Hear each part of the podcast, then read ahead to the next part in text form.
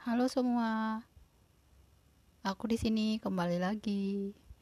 Si pemilik akun ini kembali merekam di bulan November.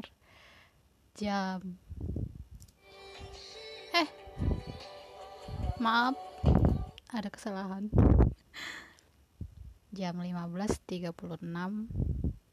tanggal 27 November nggak uh, terasa sudah sangat lama nggak ngerekam lagi.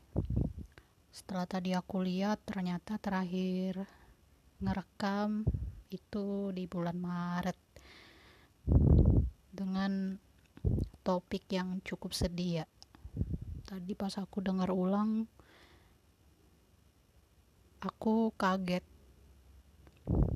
Kok bisa aku ngerekam hal se sedih itu kayaknya aku saat itu nangis juga ya. Kalau didengar sekarang jadinya gimana ya? Kayak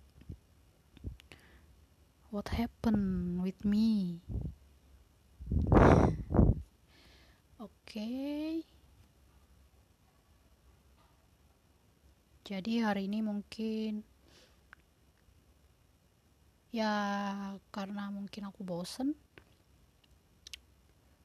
biasanya sih saat aku pengen ngobrol dan saat-saat lagi bosan aku pasti ke sini buat ngerekam. Apalagi ini udah sangat lama ya nggak ngerekam lagi dan ngobrolin. Tentunya banyak hal banyak kejadian yang udah terjadi yang udah aku alami sampai saat ini yang kayaknya aku pengen berbagi juga deh. Soalnya ingatanku nggak tahu kenapa sekarang jadi lebih pelupa. Mungkin kalau ngerekam di sini bisa nanti didengar kapan-kapan ya kan jadi teringat lagi. Asik.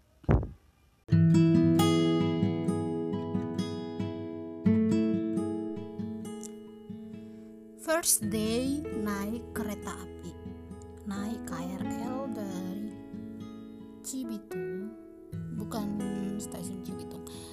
stasiun Telaga Murni ke Manggarai. Jadi ini jadi pengalaman pertama setelah dua tahun, hampir dua tahun lebih tidak naik KRL lagi. Sebenarnya kesannya sangat wow ya, sangat excited. Tapi rasa nggak percaya aku tuh masih lebih besar dari rasa rasa senangnya gitu.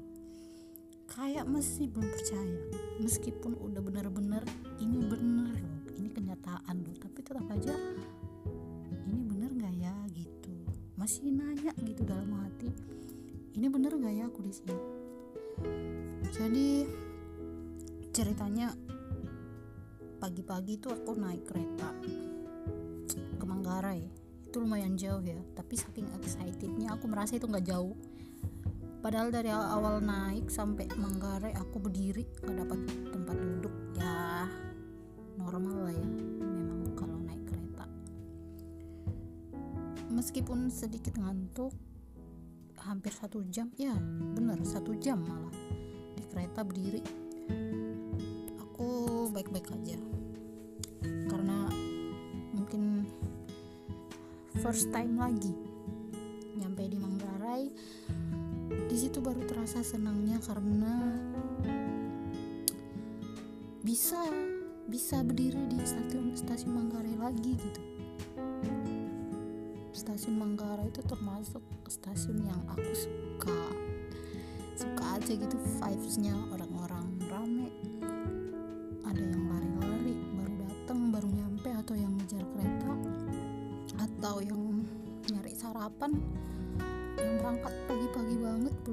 sarapan terus pada singgah ke Indomaret atau ke Lawson. Ayo. terus habis naik kereta tadi nyampe di Manggarai lanjut naik busway. Itu juga menjadi first time lagi naik busway setelah dua tahun lebih nggak pernah naik busway lagi. Dan uh, pas ngetep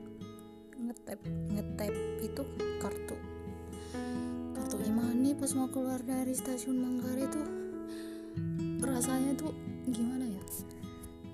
Itu more more than excited lagi sih dibandingkan naik kereta tadi. Kayak ya pun aku ngetep ngetep kartu lagi loh ini gitu. Terus keluar. Kalau di stasiun Manggarai kan busway ada di luar ya kita harus jalan dulu gitu kan. Nah proses dari keluar gate stasiun tadi keluar mau menuju busway kan kita ngelewatin jualan-jualan juga kan. Wow itu juga lebih lebih senang gitu. Lebih senang. Ya ampun aku di sini gitu. Udah tuh nyampe busway-nya ternyata ada yang baru. Kalau mau masuk busway nggak perlu ke petugasnya lagi. Kita masuk aja kita ngetap imaninya di dalam busway ya. Itu satu hal di hari pertama itu hal-hal baru yang aku temukan. Terus duduk busway. Wow itu bener-bener rasanya ya senang senang tapi aku juga nggak bisa teriak karena senang.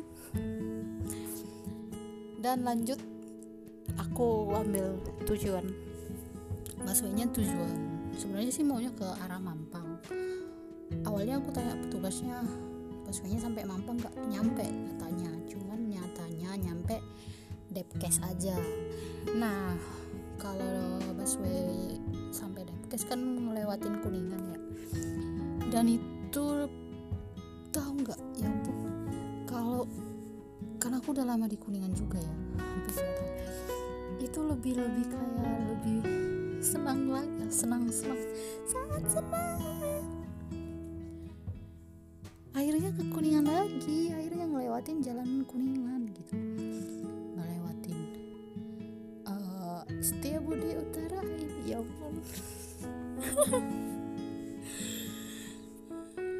perasaanku tuh ngedengar ngedengar ini di dalam busway tuh gimana ya? Masih kayak ih bener nih aku di sini gitu. Terus lanjut. Apalagi stasiun eh bukan stasiun. Apalagi halte favoritku yaitu Gor Sumantri karena dulu aku sering ke situ terus ngelewatin fast fast astaga sumpah ya. Aku sampai ke hari keempat di sini aja masih sering cubit-cubit tangan sendiri karena ini beneran gak sih? Masih kayak gitu. Beneran beneran begitu aku gitu. Masih kayak nggak percaya sering aku cubitin tangan. Eh sakit ya. Iya bener ya bener. Tapi tetap aja kayak nanya lagi iya bener nggak sih? Gitu. Ya udah kan terus nyampe di Depkes aku lanjut ambil busway yang jurusan uh, rute Ragunan. Nah baru aku berhenti di Mampang. Pokoknya aduh nggak ngerti lah. Seneng. Pas pulangnya pas pulangnya balik lagi kan tuh naik busway muter ke uh, ambil yang ke Manggarai naik kereta. Baru deh pas naik kereta di situ aku baru ngerasa capek. Memang, memang capek banget ya sampai sampai daerah Cibitung dari Manggarai. Itu kan ada satu jam. Terus aku pikir-pikir dari tadi pagi aku kok biasa aja ya meski ngantuk-ngantuk tapi aku cuma ngerasain ngantuk capeknya enggak gitu padahal berdiri. Pas pulangnya untungnya sih ya dapat kursi ya dapat tempat duduk jadi bisa tapi sebelum naik kereta karena aku belum makan juga tuh aku jajan di Lawson. Jajan odeng. Jajan odeng dulu di terus duduk di depannya itu makan astaga sumpah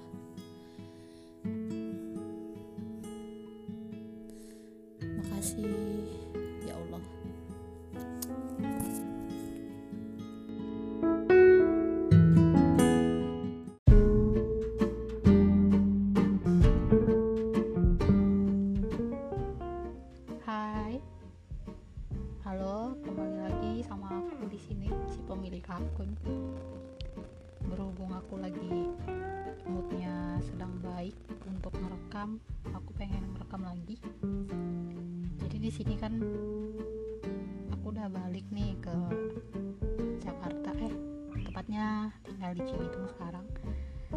Dan akhirnya aku bisa ketemu nih sama barang-barang aku yang dulu. Baju-bajuku yang dulu barang-barang semuanya buku tas. Dan kebetulan kan aku orangnya suka ya suka nulis. Hmm, nulis apa pun sih apa pun. Jadi ya kayak gitu. Nah berhubung karena kesukaanku tadi soal nulis aku ketemu lagi nih sama diaryku di kuliah. Cie mantep. Emang sih dulu pas awal-awal merantau ke Jakarta juga aku bawa semua buku-buku yang sekiranya menarik buat aku ya. Buku tulis juga dan kebetulan buku diary ini aku bawa juga. Sebagai ini aku suka baca-baca ulang sih. Nah ini aku pengen baca ulang lagi. Kan seru tuh baca ulang yang kita tulis di di zaman-zaman dahulu gitu.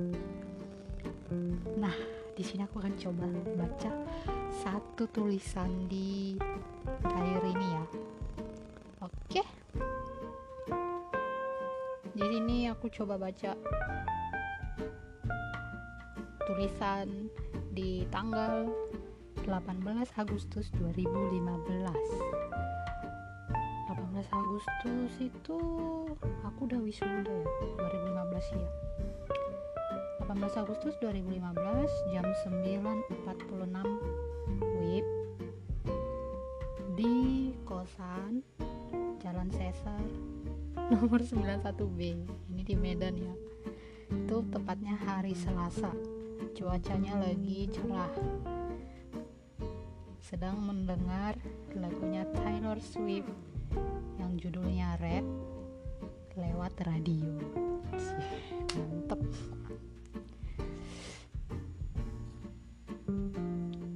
Jam 2 nanti mau psikotes ke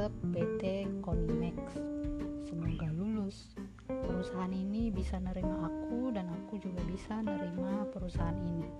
Amin.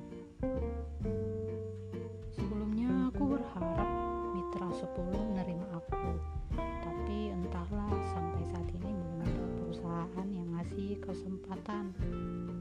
Intinya aku tetap harus berusaha.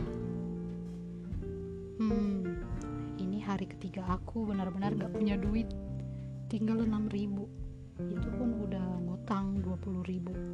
Wah rasanya gak enak memang. Tapi sabar aja lah.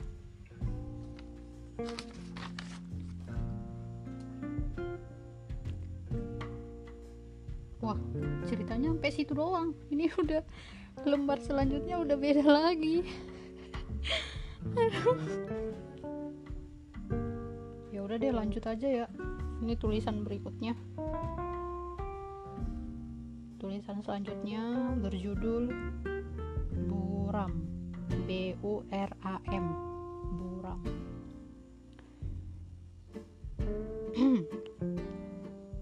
Pernah merasa tujuan hidupmu terasa buram?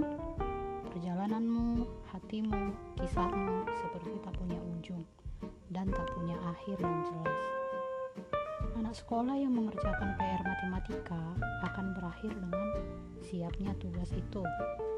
Akan berakhir dengan nilai 100 atau nilai 0 dari gurunya. Petani yang menanam padi akan berakhir dengan padi yang tumbuh. Akan berakhir dengan hasil panen 10 karung padi atau tidak panen. Lalu aku? Rasanya aku tak bisa seperti anak sekolah tadi aku juga tak bisa seperti si petani. Entah dari mana perasaan ini datang.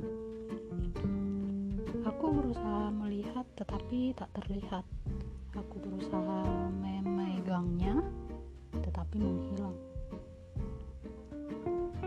Aku merencanakan semua tapi sampai sekarang wujud dari rencana itu tidak terlihat. Lalu aku bertanya apa rencanaku salah?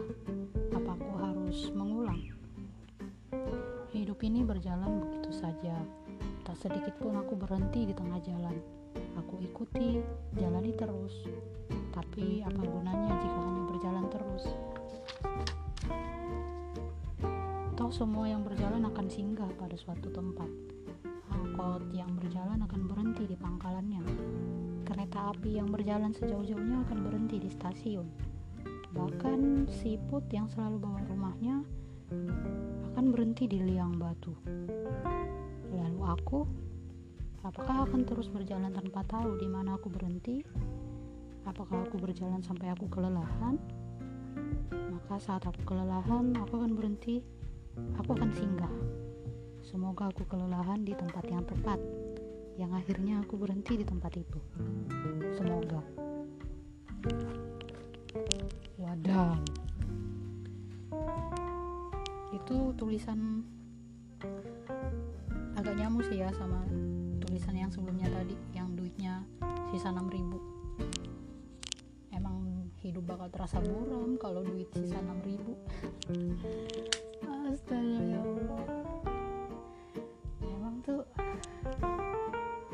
manusia tuh bisa nyiptain tulisan dengan sekeren itu kalau hidupnya lagi nggak baik-baik aja sih kalau hidupnya lagi nggak baik-baik aja. Pasti bisa jadi kayak penulis gitu. Ya nggak sih? Lucu banget ya aku di 2015 Aduh ya udah segitu aja ya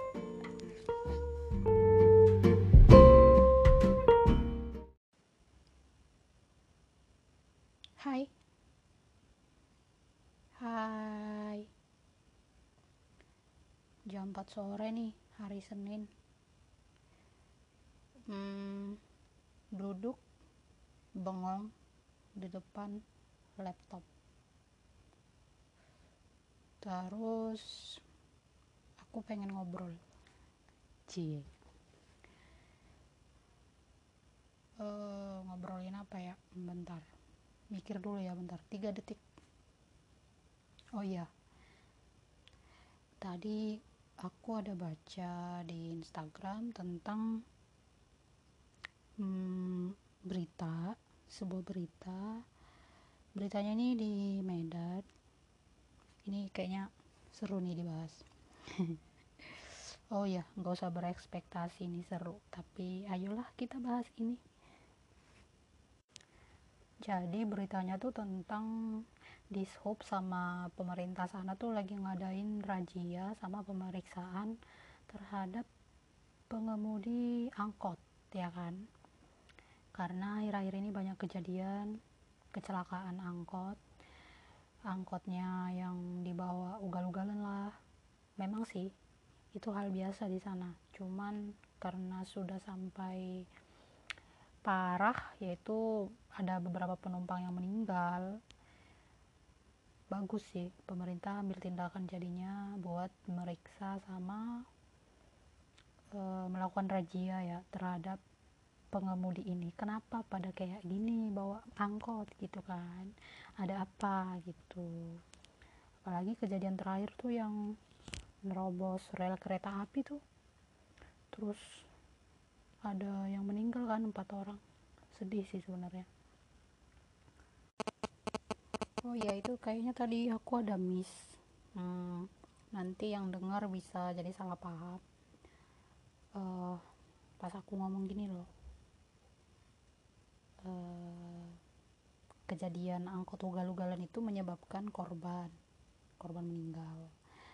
Bagus sih pemerintah. Jadi harusnya tuh aku nggak langsung nggak langsung lanjut ngomong tadi. Jadi ada tanda titik di situ gitu loh ada korban meninggal titik. Bagus sih pemerintah bikin kebijakan buat razia sama meriksa gitu maksudnya.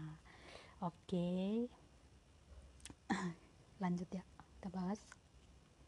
Jadi dari berita yang tadi itu pemeriksaan yang dilakukan oleh pemerintah kota Medan bekerjasama sama BNN nah ada beberapa ada puluhan ya diperiksa tuh pengemudi angkot dan ditemukan ada empat orang positif. Positif. Gila. Enggak dong. Positif narkoba maksudnya. Ya. Shock nggak sih? Enggak ya. Iyalah. Kalau tukang angkot di sana kayaknya biasa aja kayaknya tuh kalau pakai narkoba. Karena di sana hmm, bukan ngejudge ya bukan ngejudge. Cuman di sana tuh pengguna narkoba tuh banyak tinggi lah. Kayaknya di di daerah-daerah di Indonesia Medan tuh tertinggi deh kurasa.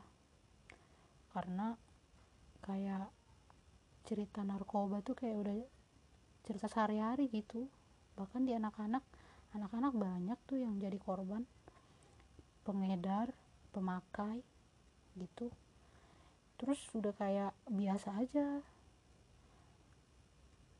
ya pokoknya gitulah.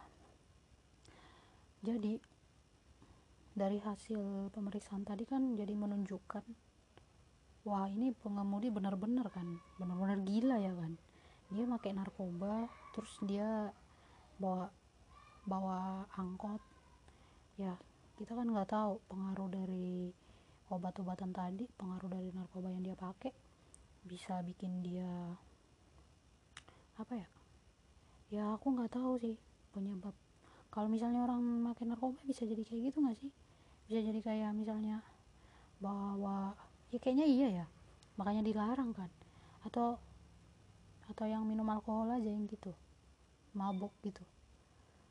Atau narkoba juga bikin mabuk eh nggak paham deh. Ya pokoknya itu gitu. Jadi selama ini ngelihat atau dari kejadian-kejadian yang udah ada tuh ke angkot ugal-ugalan ya kan. Eh apa sih? Bentar-bentar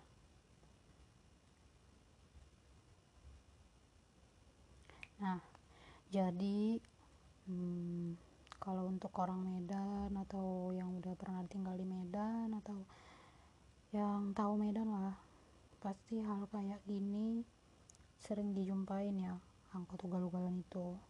Ya semoga dengan kebijakan yang dilakukan pemerintah tadi yang melakukan pemeriksaan itu jadi jadi pelajaran lah. Jadi mengurangi pengemudi juga pengemudi angkotnya. Biar bawahnya tuh yang biasa aja nggak usah kencang-kencang nggak usah kayak mau mati gitu loh. Kalau misalnya dia sendiri yang mati atau dia depresi gitu ya bisa aja ya kan jangan-jangan dia depresi sih sebenarnya. Dia depresi nih. Ya udah. Dia depresi bawa angkot. Mati aja lah gitu. Ya. Yeah. yang mati bukan dia malah. Malah orang lain kan. Kalau dia sendiri tadi mati. Kalau misalnya dia pengen mati nggak usah naik angkot. Eh nggak usah bawa angkot maksudnya. Mending dia pergilah ke mana gitu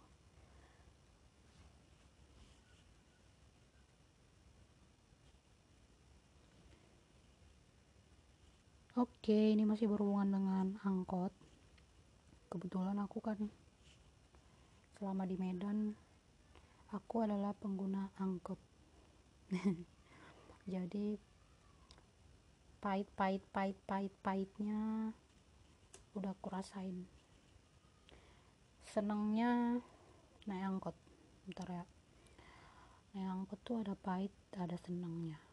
Bentar kalau pahitnya kan banyak tuh kalau senengnya apa ya senengnya ya yeah, senengnya cuma satu sih kayaknya. Tukang angkotnya punya playlist musik yang bagus itu doang. Jadi ya seneng aja kan.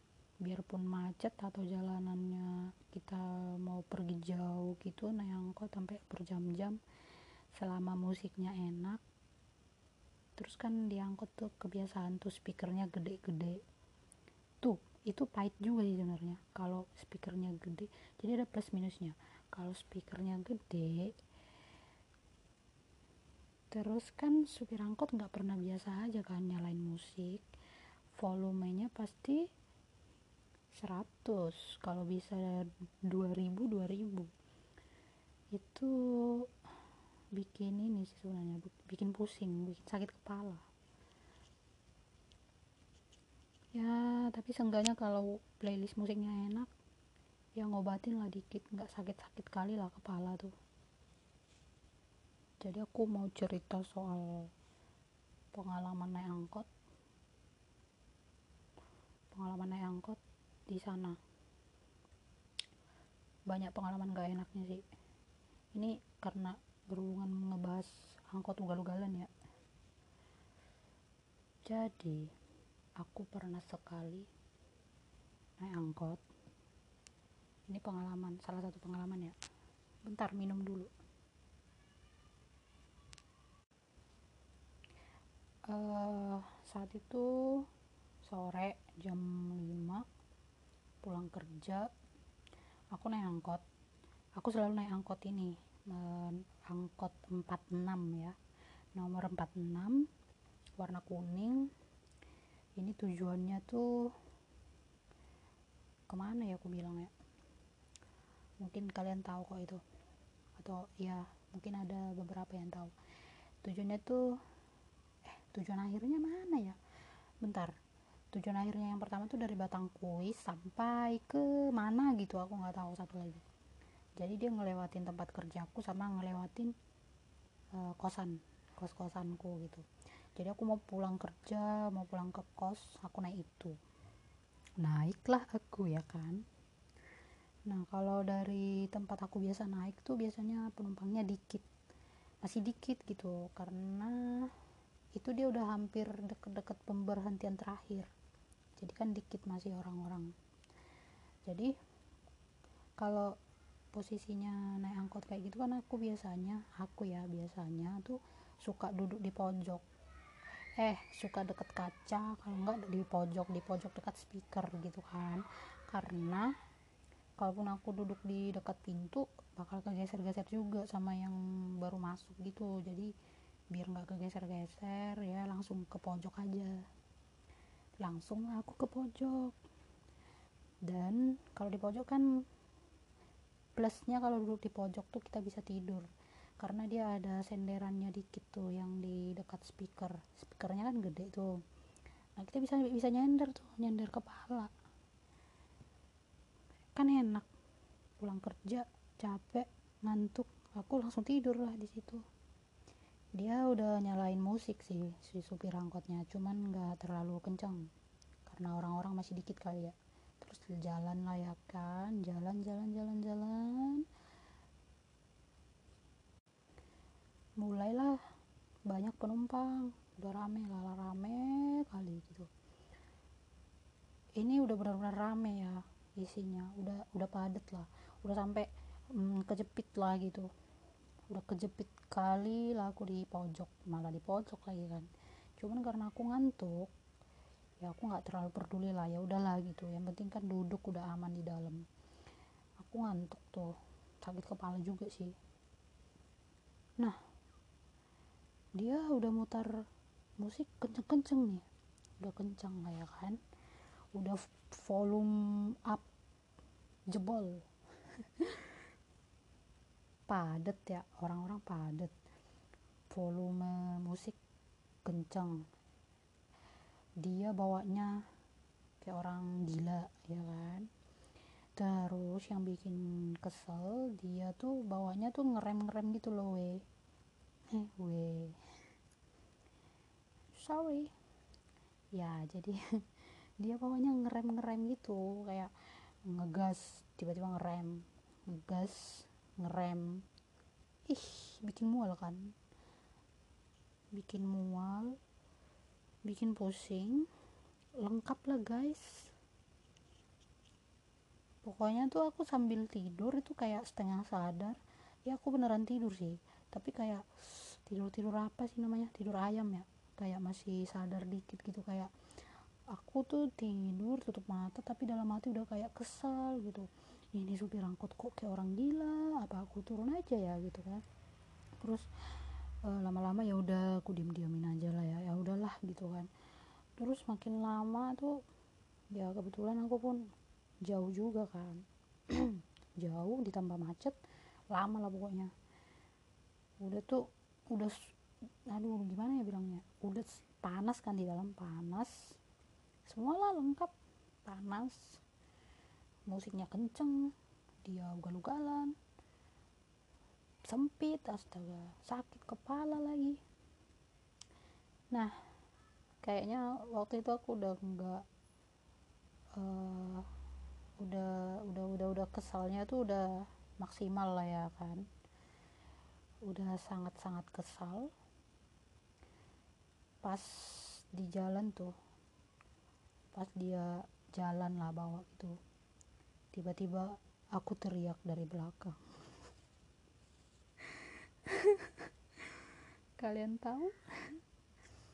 Tiba-tiba aku teriak aku bilang gini coba. Aku kan duduk di pojok kan. Sebenarnya kan agak jauh tuh dari supir cuman teriakanku kenceng kali. Aku ngomong gini bisa nggak sih pak? Bawa angkotnya nggak usah kayak orang gila. Terus kan semua orang ngelihat aku kan. Semuanya ngelihat kayak kaget juga mungkin karena aku kan dari tadi tidur. Aku kan tidur. Tiba-tiba aku teriak. Gitu kan semua kaget kan. Terus mm, satu dua tiga detik setelah aku teriak itu aku baru sadar kalau semua ngelihat aku. Terus aku baru kayak aduh aku kok diliatin gitu kan. Tapi ya udahlah mampus itu gitu kan. Terus aku dalam hati udah bodoh amat gak peduli mampus kau gitu kan. Diliatin diliatin lah situ pas aku teriak itu supir angkotnya nggak ngejawab sih. Dia diam aja kan. Hmm, terus dia mulailah mulailah mengurangi bawa bawa angkotnya mengurangi kecepatan lah.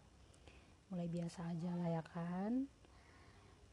Terus aku dalam hati oh bagus lah. Dia masih nyadar gitu ya. Kalau tadi dia ngebalas atau ikutan marah mungkin ya udah aku berantem pun jadi terus aku turun gitu kan. Aku udah mikir gitu deh udah nggak peduli lah pokoknya bodo, bodo amat juga nggak kenal juga gitu kan. Terus udah biasa nih. Nah dia bawa angkotnya mulai nggak kencang-kencang lagi kan tapi cuma beberapa menit doang kayak gitu habis itu kencang lagi kan. Habis itu kayak orang gila lagi. Waduh parah lah pokoknya terus aku makin emosi lah ya kan. Orang tadi udah emosi sebenarnya belum belum reda gitu. Wah nggak bisa nih gitu ya kan. Udah di udah marah pun udah kita tegur gitu pun masih masih aja. Cuman karena kebetulan aku udah mau dekat kos kosanku udah udah mau tempat aku turun tuh udah mau deket lah. Udah beberapa meter lagi ya. Nggak meter sih cuma beberapa menit lagi lah gitu kayak 10 menit lagi nyampe lah gitu kan. Ya udah terserah kau lah mampus kau sih itu udah gitu aku kan. Nggak mau lagi aku ah itu aja aku tadi refleks kayaknya marah marah gitu gitu kan. Terus udah mau nyampe nih uh, tempat aku turun. Ya aku ngomong lah ya kan dari belakang. Kan angkot di sana tuh kalau kita mau turun kan harus ngomong berhenti pak gitu. Eh bukan berhenti minggir ya pak. Gitu kan. Kok di sini di sini juga di sini ada ada tombolnya kan? Ada sih yang biasa gitu kan. Ya maksudnya nggak kayak di busway yang ada tombol buat berhenti harus ngomong gitu. Minggir ya pak gitu. Aku kan aku kan di ujung tadi. Jadi aku udah udah tau lah kalau kita di ujung tuh kalau ngomong minggir ngomong berhenti kan harus kita kencengin lah suara gitu kan biar dia dengar karena musik dia juga kenceng terus dia juga di depan sana jauh gitu. Jadi aku ngomong minggir ya pak gitu. Itu udah udah kenceng lah. Eh nggak didengar. Nggak didengar kan sama supirnya. Masih jalan. Terus teriak lagi aku minggir ya pak gitu kan terus sampai yang lain tuh masih ngeliat gitu kan nggak didengar juga.